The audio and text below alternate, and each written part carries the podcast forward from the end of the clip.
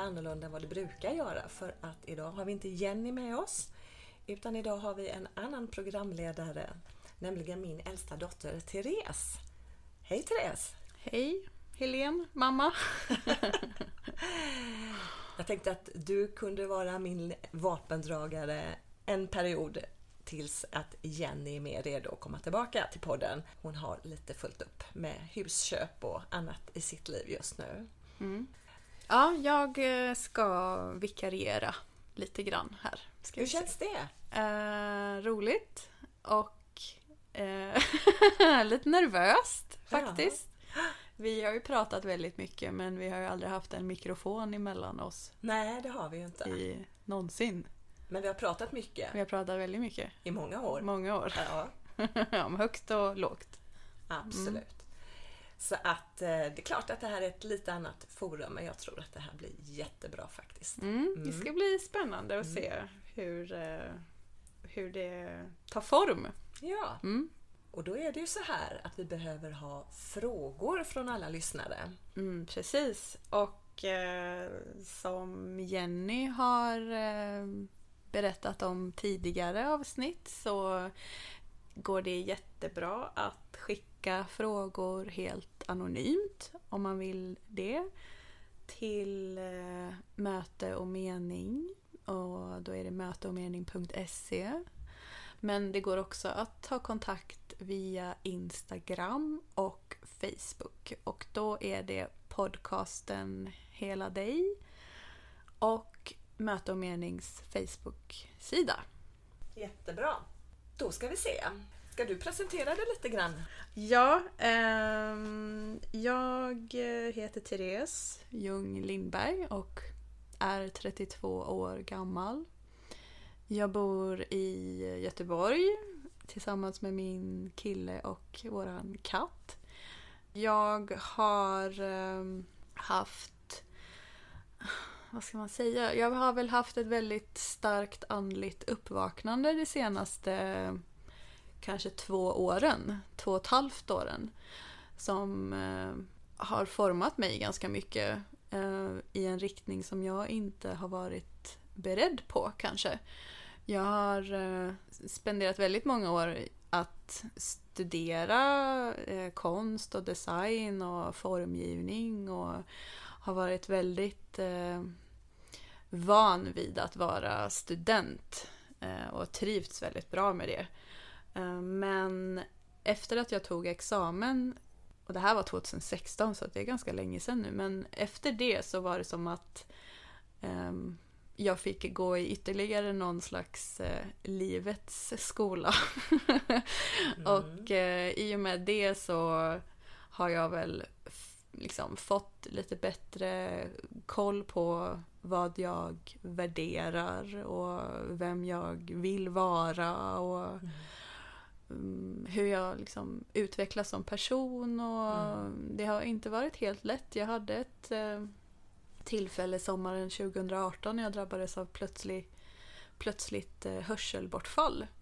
Och eh, förstår nu efteråt att det har inneburit en slags ett, ja, men ett startskott kan man väl säga mm. på ett nytt sätt att se på mig själv och mm. Eh, att bli vuxen på riktigt. Liksom. Mm. Och jag har fått lära mig väldigt mycket om eh, ödmjukhet och hur det är att hantera hur saker och ting blir när man inte tror att de ska bli så.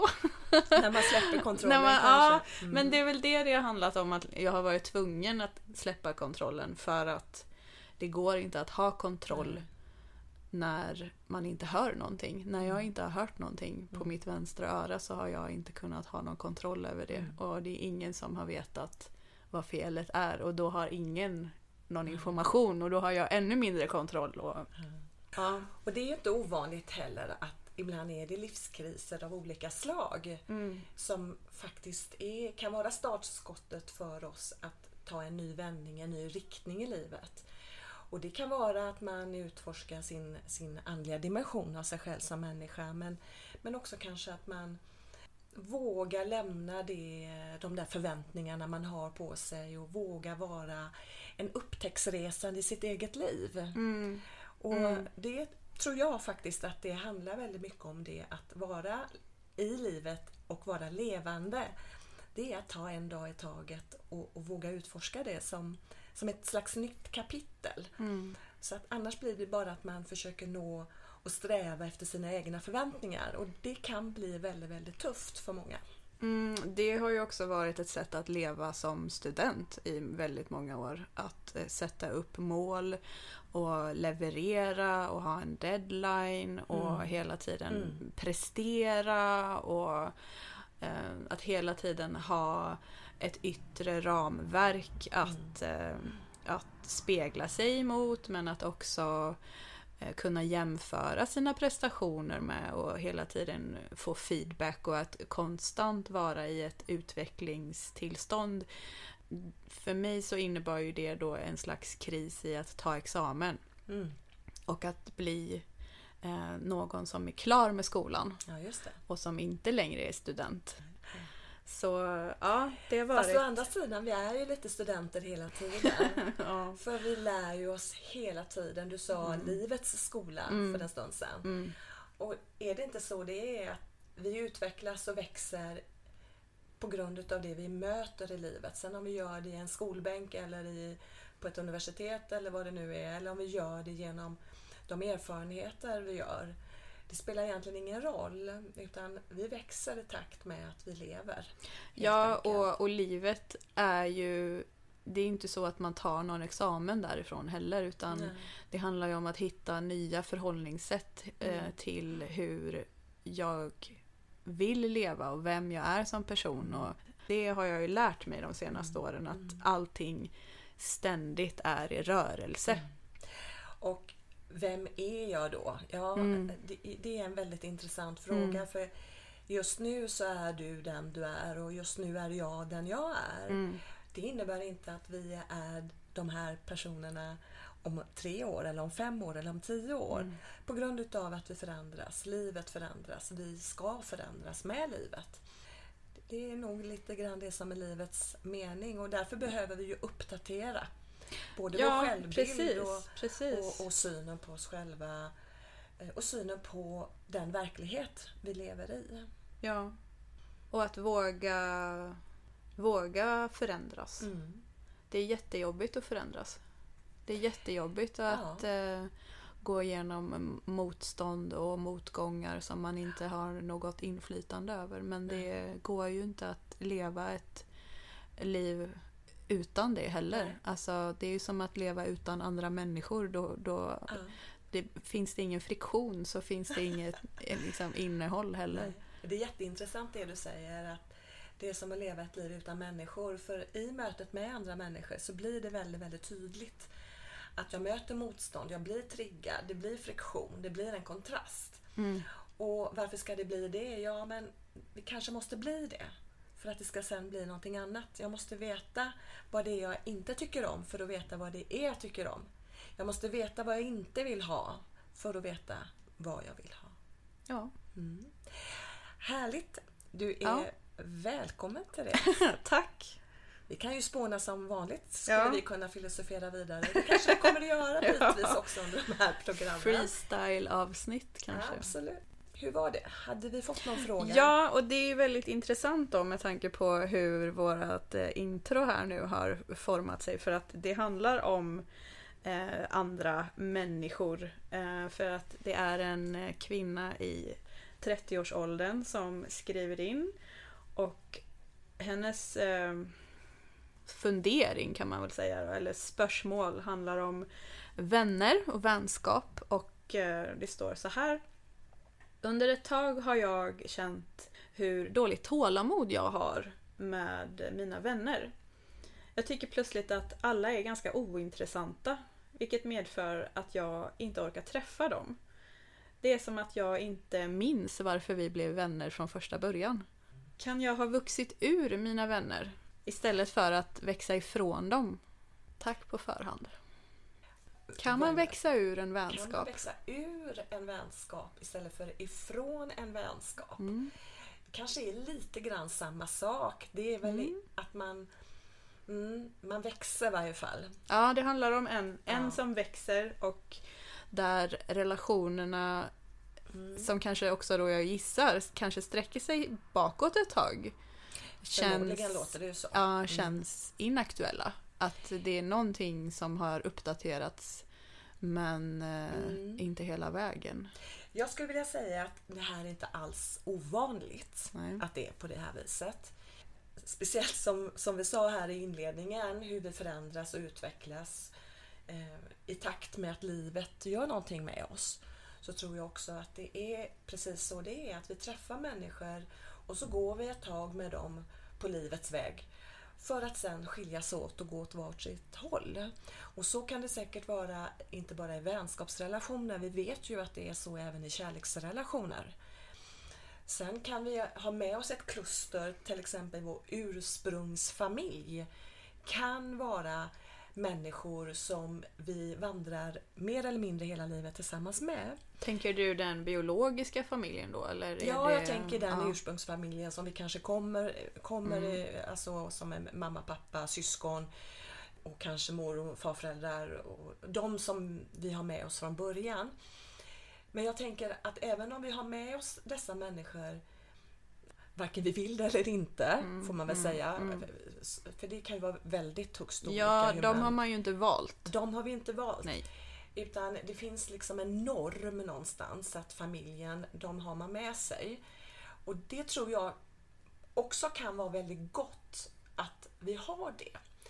Det betyder däremot inte att allting är frid och fröjd och allting är bara bra med det. Utan även de relationerna förändras ju över tid.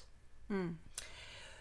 Och det kan ju betyda att det kan vara, säg att man har ett syskon som man inte alls kom överens med när man var yngre, men att man när man är lite äldre eller medelålders hittar varandra på ett helt nytt sätt. Eller tvärtom. Mm.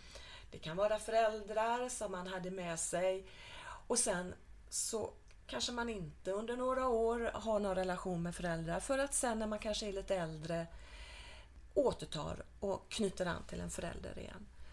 Detta tror jag är ganska vanligt också. Att relationer förändras. Och varför ska då inte vänskapsrelationer förändras?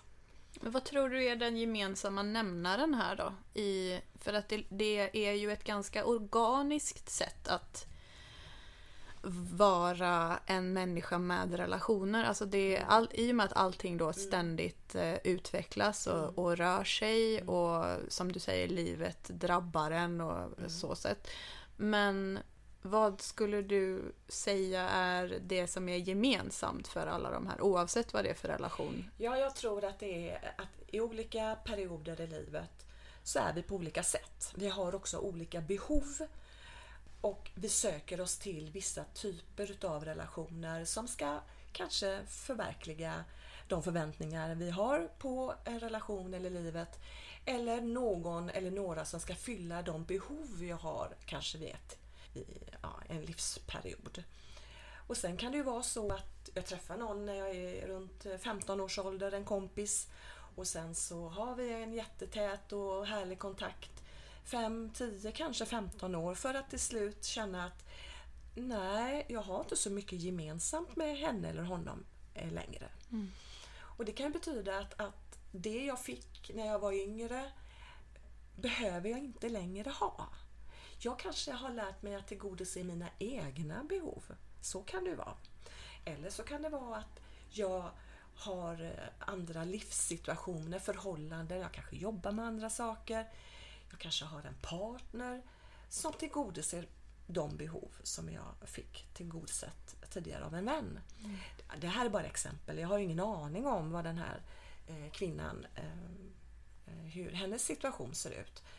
Men det här kan vara varianter på det här att vi, vi har olika behov i olika perioder i livet. För det låter ju lite som i det här brevet att det är som att någonting har medfört att plötsligt så tycker jag nästan att de är Mm. ganska ointressanta. Eller det är Mm. som att man alltså har fått ett Ja. uppvaknande nästan. Eller finns det en depressiv eh, sida av den här frågeställningen? Tror det vet du? vi ju inte så Nej. mycket om. Nej. Det kan ju vara så att helt plötsligt kanske den här eh, tjejen eller kvinnan eh, upplever sina vänner med nya ögon. Så uppenbarligen så hade det varit intressant om man hade ett möte med henne. Så hade det varit intressant att ut vad händer med henne? Och det är väl det hon kanske ska fråga sig då. Att vad hände med dig där och då när du upptäcker att vännerna dina inte riktigt ger dig det du hade önskat eller när du känner att du har vuxit ur relationen med dem eller den vännen. Så återigen, titta inåt. Vad händer med mig? Och det är det vi ibland måste alltid göra. Vi har lätt för att projicera saker på andra människor. Och så tycker vi att ja, men hon är sån eller han är sån. När det egentligen handlar om att det är jag själv som förändras. För det är ju så att vi är ju en del i en relation.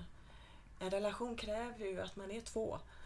Och Ja, blir relationen precis. förändrad så, så beror det ju naturligtvis på att antingen är det en eller bägge som förändras. Mm. Och därmed också relationen. Ja, för, för i det här så är det ju också påtagligt att det här är en persons upplevelse.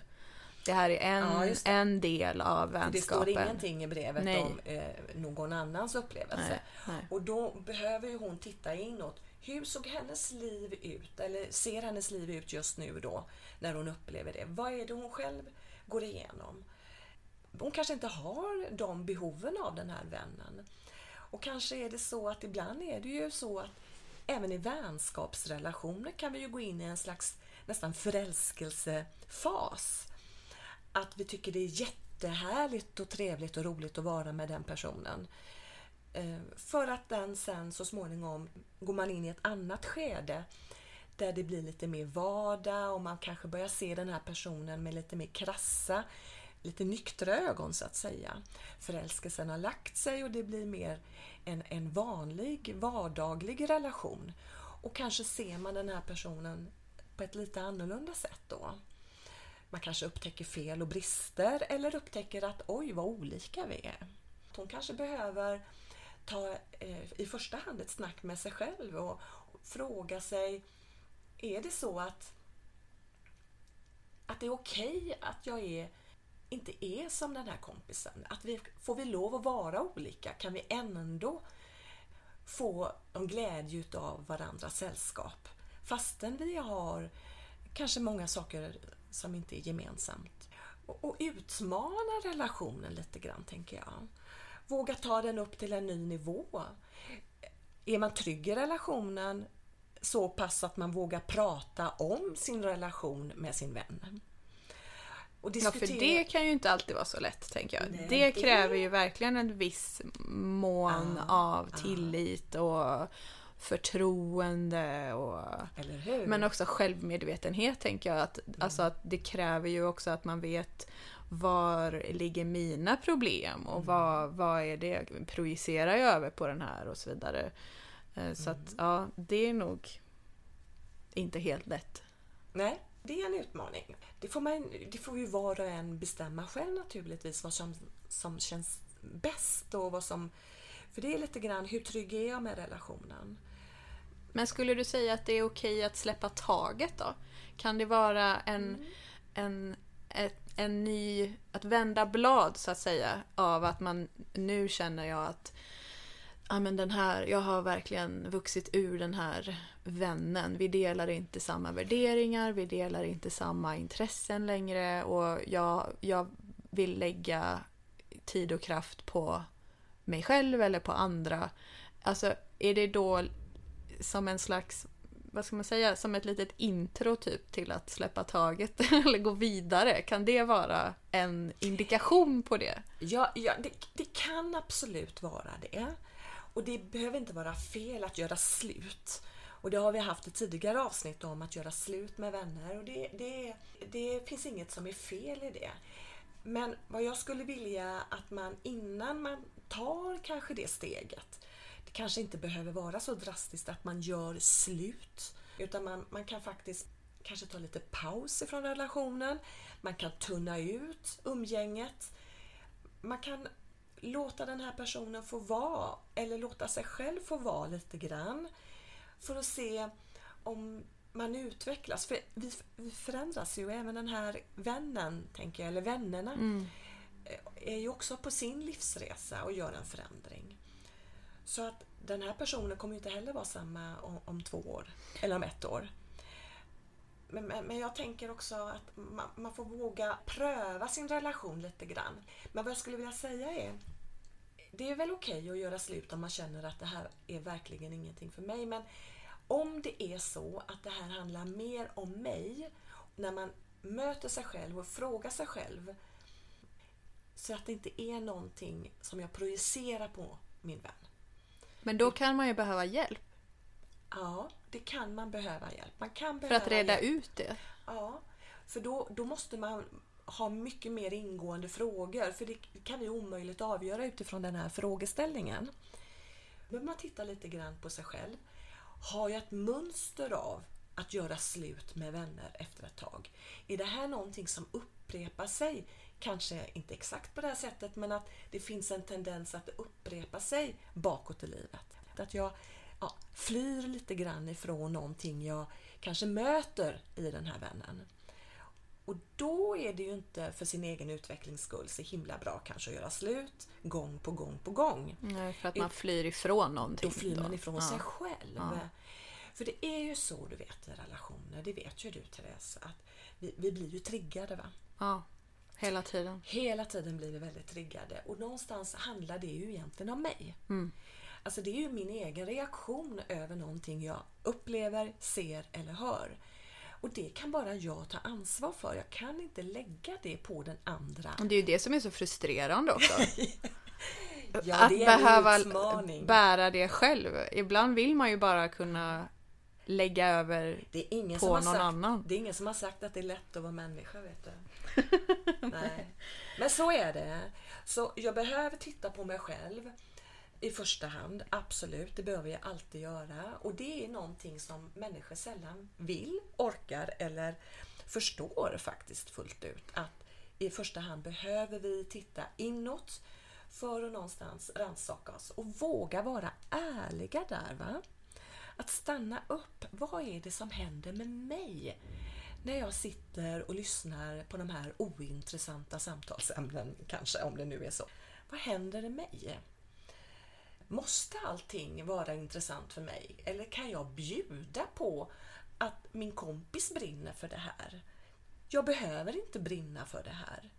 Men det betyder inte heller att jag ska åsidosätta min passion. Jag kanske också nästa, nästa sekund får ta över samtalet och prata om någonting som jag är intresserad av. Blir jag då bemött med respekt? Blir jag lyssnad på? Du vet, det är ju det som är vänskapsrelationer. Mm. Vi behöver inte vara lika. Vi får lov att tycka olika också. Men med Bara det, det sagt, finns en respekt där.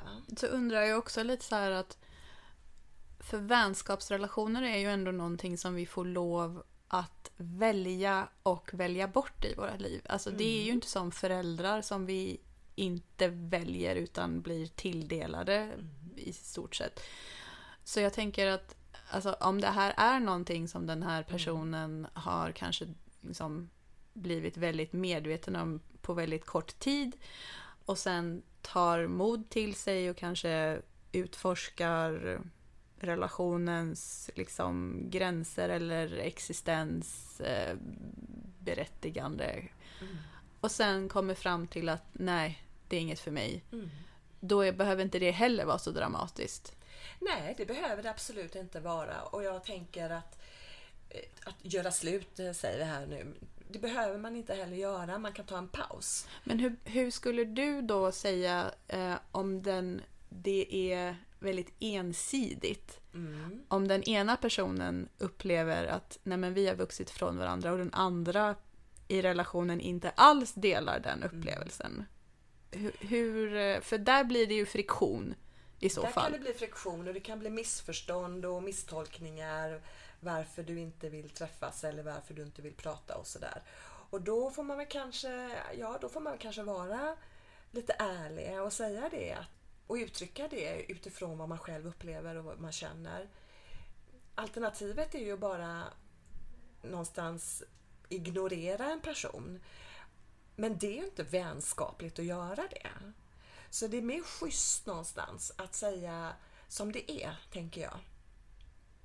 Mm. Mm. Mm. Men att man inte behöver vara så definitiv. Mm. För det tror jag också någonstans, den här tjejen som skriver in här, hon behöver ju fråga sig själv, var befinner jag mig just nu i livet? Om det är lite gungigt, om det känns lite om hon är fylld med känslor av något slag så kanske det kan vara det att hon är påverkad av sin livssituation, hur hon mår.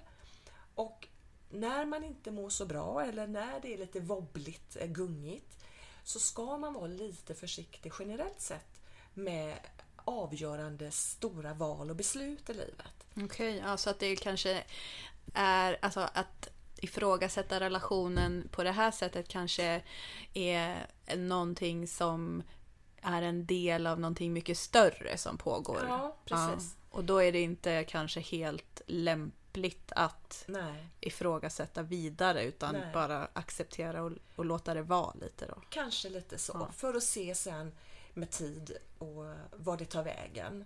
Det kan ju hända att hon förändras. Vi, vi gör sådana resor där vi ibland tycker en person är fantastisk och en, sen känner man att man inte alls har något behov av en människa. För att sen vända igen. Och det, det handlar inte så mycket om den andra personen. Nej. Det handlar mer om mig. Mm. Vad är det jag ser? Mina egna perspektiv. Vad är det jag behöver? Vad är det jag tycker är, känns okej? Okay? Men däremot, jag tycker ju det som är A och O i en vänskapsrelation, det är ju respekt och någon form av jämlikhet. Att, det är, att man ger och tar. Att det är en slags eh, balans i det. Är det ingen balans i en vänskapsrelation så blir den så småningom, förr eller senare, det blir inget bra. Hur skulle en sån balans kunna återupprättas i det här fallet, skulle du säga? Ja, vi vet ju inte exakt hennes relation här med de För det låter som att det är flera, vänner. att det inte bara är ja, en specifik nej, relation. vännerna här. Ja. Nej, och det är ju någonstans, det är därför jag misstänker att hon behöver först titta på sig själv. Mm. För nu är det inte en specifik person utan det är till och med kanske flera. Men det här är ju också ett svårt arbete att göra själv. Skulle du rekommendera någon då i det här fallet att uppsöka en terapeut eller uh, hur tycker du att ett, ett rimligt nästa steg skulle se ut? Det är ju helt upp till den här personen att uh, se vad är det hon behöver. Mm. Så att först och främst förstå vad mina behov är ja. i det här fallet. Ja. ja. ja, det tror jag. Och hur mår hon för övrigt i det här med vänskaperna? Är det någonting hon går och tänker mycket på? Är det något som tar hennes energi? Är det eh. någonting som kanske spiller över i andra relationer och inte bara ja, i vänskapsrelationer? Nej, det kan ju vara det. Återigen, mm. som, alltså, vad händer i den här tjejens mm. liv just nu? Just och ett, sen ett tag tillbaka kanske. För uppenbarligen så upplever hon att hennes vänskapsrelationer, inte bara till en utan till flera, inte ger henne någonting längre. Sen är det ju så här att när den här tjejen kanske träffade de här personerna eller vännerna, då var hon kanske en annan kvinna. Och eftersom, som vi sa tidigare, vi förändras, vi utvecklas och vi blir nya versioner av oss själva hela tiden. Mm. Så frågan är, hon kanske har gått igenom en jättestor utveckling, en personlig utveckling. Vilket gör att hon helt plötsligt upptäcker att de vännerna hon har med sig från förr, de, de möter inte henne på det planet hon är längre. Och då är det en utmaning. Är det, kan hon fortfarande vara vänner med dem? Hon kanske inte kan vara nära vän med dem, men hon kanske ändå kan vara vän med dem. Och alltså då sammanfattningsvis skulle vi kunna säga att återvända hem till sig själv titta på hur mår jag i nuet? Hur mm. ser livet ut på flera andra plan? Mm. Och vad har jag, hon, för behov? Mm. Och därefter, vad då? Ja, jag tänker också det här, vad är det jag triggas i? Mm. Eller kanske vad har jag haft för förväntningar Ja, på den här relationen? Ja, jag tänker så här. Uppenbarligen blir hon lite triggad av att de inte är intressanta längre. Det är ju en sak. Och då skulle jag ju velat som terapeut jobbat med den delen just. Vad är det som händer i mig när jag är i en situation som jag tycker är ointressant? Mm. För uppenbarligen är det ju inte ointressant för min vän. Nej, Kan och jag- kanske kan inte tidigare i vänskapen heller utan Nej. att det har varit någonting som har funnits som en gemensam grund. Och då handlar det ju om att den Ja. här kvinnan håller på att genomgå en egen förändring. Ja. Så.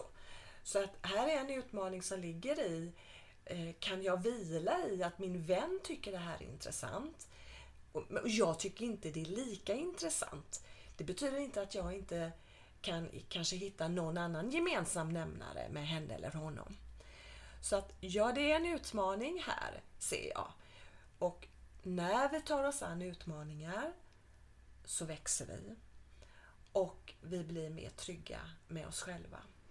Det betyder inte att våra relationer, vänskapsrelationer ser exakt likadan ut hela tiden. Precis som jag sa här i början, du vet med syskon eller med andra familjemedlemmar så genomgår, genomgår vi just förändringar. Där är det lite mer okej att vi gör den förändringen. För jag är fortfarande syster eller bror eh, med min syster eller bror. Förstår du? Att det finns en de försvinner grundläggande inte kanske. trygghet i den relationen då eh, som medför också ett större svängrum menar du? Alltså att det finns fin- möjlighet ja. och förståelse Ja. att ta en paus kanske Ja. eller växa i min riktning vidare. Ja. Det är ju väldigt extrema situationer när man gör slut med eh, familjemedlemmar. Då Men det har- händer ju hela tiden. Det händer hela tiden och återigen så behöver man också titta på sig själv då. Vad är det som gör att man blir så extrem?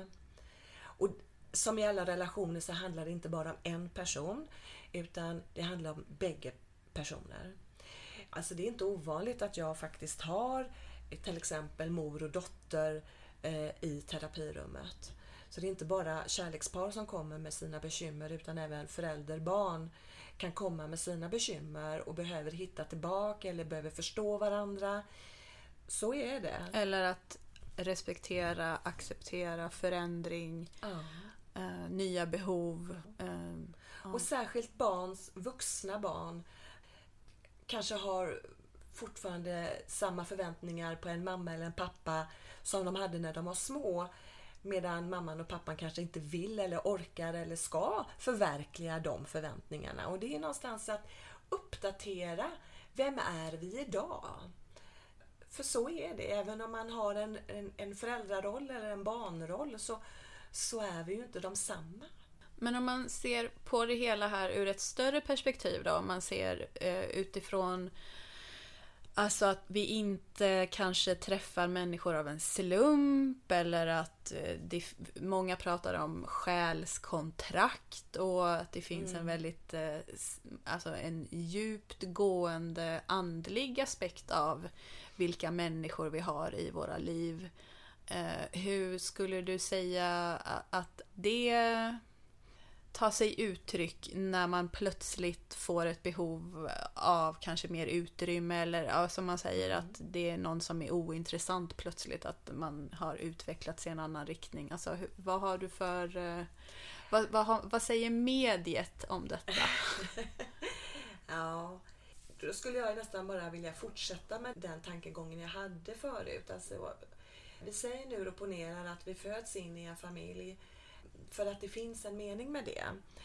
Och då är det ju utveckling som är egentligen nyckelordet här. För skillnaden mellan att se på föräldrarollen i det fallet utifrån ett andligt perspektiv är ju att vi visst väljer våra föräldrar. Och det går ju emot terapeut, eh, samtalsterapi, eh, liksom det som ligger underförstått där då, om jag har förstått det rätt, att vi inte väljer våra föräldrar och får acceptera det, men att ur ett andligt perspektiv så kanske vi Ja. väljer vissa människor. i ett större perspektiv så kanske vi gör det faktiskt, att vi väljer våra föräldrar. Och varför gör vi det? Ja, men det handlar väl kanske att vi behöver möta någonting återigen som behöver läkas. Eller möta, komma till en punkt med våran själ där jag behöver förstå och ta en annan riktning än vad jag kanske tidigare har gjort då. Att, att det handlar om att titta inåt och bli mer sann och ärlig med sig själv. Men också att även själen går igenom sin utvecklingsresa. Och ibland behöver vi möta det som är svårt. Och det kan man bara hämta. göra när man speglar sig i andra då, tänker du? Ja, det är ju svårt att möta, eller hur? Mm. Skulle vi leva helt för oss själva så hade vi inte mycket som hade triggat oss. Utan det är ju utmaningen för oss människor att leva med andra människor. Det är det mest underbara men det är också det mest utmanande och det mest läskiga skulle jag vilja säga. Och då menar jag också att vara i nära relation med en, en människa. Att komma så nära någon annan när man känner en själslig närhet, vilket vi gör många gånger med våra föräldrar. Och Vi kan göra det med syskon, inte alltid men ibland. Och vi kan också göra det med den eller de människorna vi blir förälskade i där är, blir vi väldigt, väldigt sårbara. Så är det och det är en jätteutmaning att våga öppna sitt hjärta och vara sårbar. Men det är just där, det mest sårbara, som vi också kan hitta en slags styrka och en fantastisk kraft. Att klara jag av att vara i det sårbara, då klarar jag vad som helst. Eller hur? Mm. Eller vågar, vågar man känna de där triggers? De där punkterna när man blir mm. helt galen. Mm. Och ändå kanske lyckas ta ett andetag där. Och ta ett steg tillbaka. Ja, och, och ja. då har man verkligen vunnit någonting. Det, det är ju så att, att ju mer du jobbar med dig själv och ju mer du blir accepterande med dig själv, i dig själv, desto mindre blir du triggad av andra människor. För att det finns inget område. Många gånger så vi har pratat om det här med skuggsidan förut. Och det handlar ju om att när jag är triggad av någon annan, säg att jag blir jätteirriterad av en eh, kompis. Som bara vill prata om sina bolåneräntor. Ja. typ. Till exempel. Ja. ja. Eh, och jag blir jätteirriterad. Då måste jag någonstans titta i första hand på mig själv. Vad är det i mig som gör att jag har svårt för att acceptera den här sidan hos min kompis. Men ibland går det ju så och, fort. Ja, det här går alltså, ibland, det här, det är ju det här går under på sekunden. Ja. ja.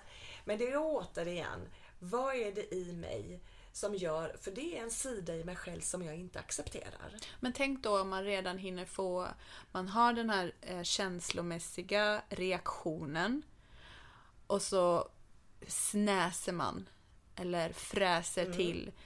Och sen kanske det går tre, fyra timmar innan man orkar fråga sig själv. Mm vad var det som mm. hände? Och då är det ju, är det för sent då? Alltså hur, eller? Det är ju väldigt individuellt hur länge vi stannar kvar i den känslan av som växer i mig när jag blir triggad.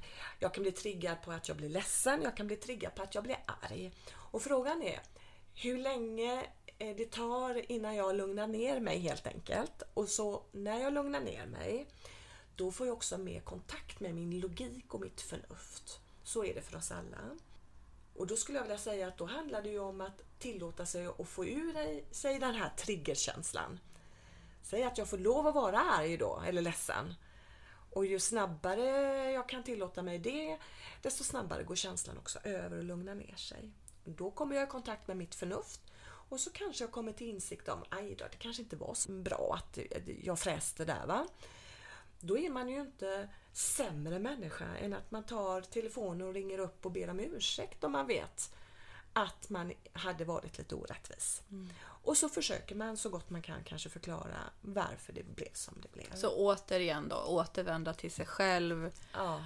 Ödmjukhet inför att jag är mänsklig ja. och alla runt om mig är människor också. Eller hur? Ja. vi är bara människor och vi gör ju så gott vi kan. Mm. Och det är ett arbete. Sen är det väldigt olika för oss människor hur mycket jobb vi vill och orkar göra. Väldigt många människor fastnar tyvärr i den projicerande rollen. Att man lägger över egentligen alla sina reaktioner på att det är någon annans fel. Eller eh, någon händelse eller regeringen eller coronas fel. Du vet. Istället för att titta inåt. Det är ju en jätteutmaning att, att vända blicken inåt och titta på sig själv. Men det är ju det enda egentligen vi har kontroll över. Ja, visst är det Vi det. kan inte kontrollera någon annan människa men jag kan faktiskt kontrollera mig själv. Jag kan bestämma mig hur jag tänker.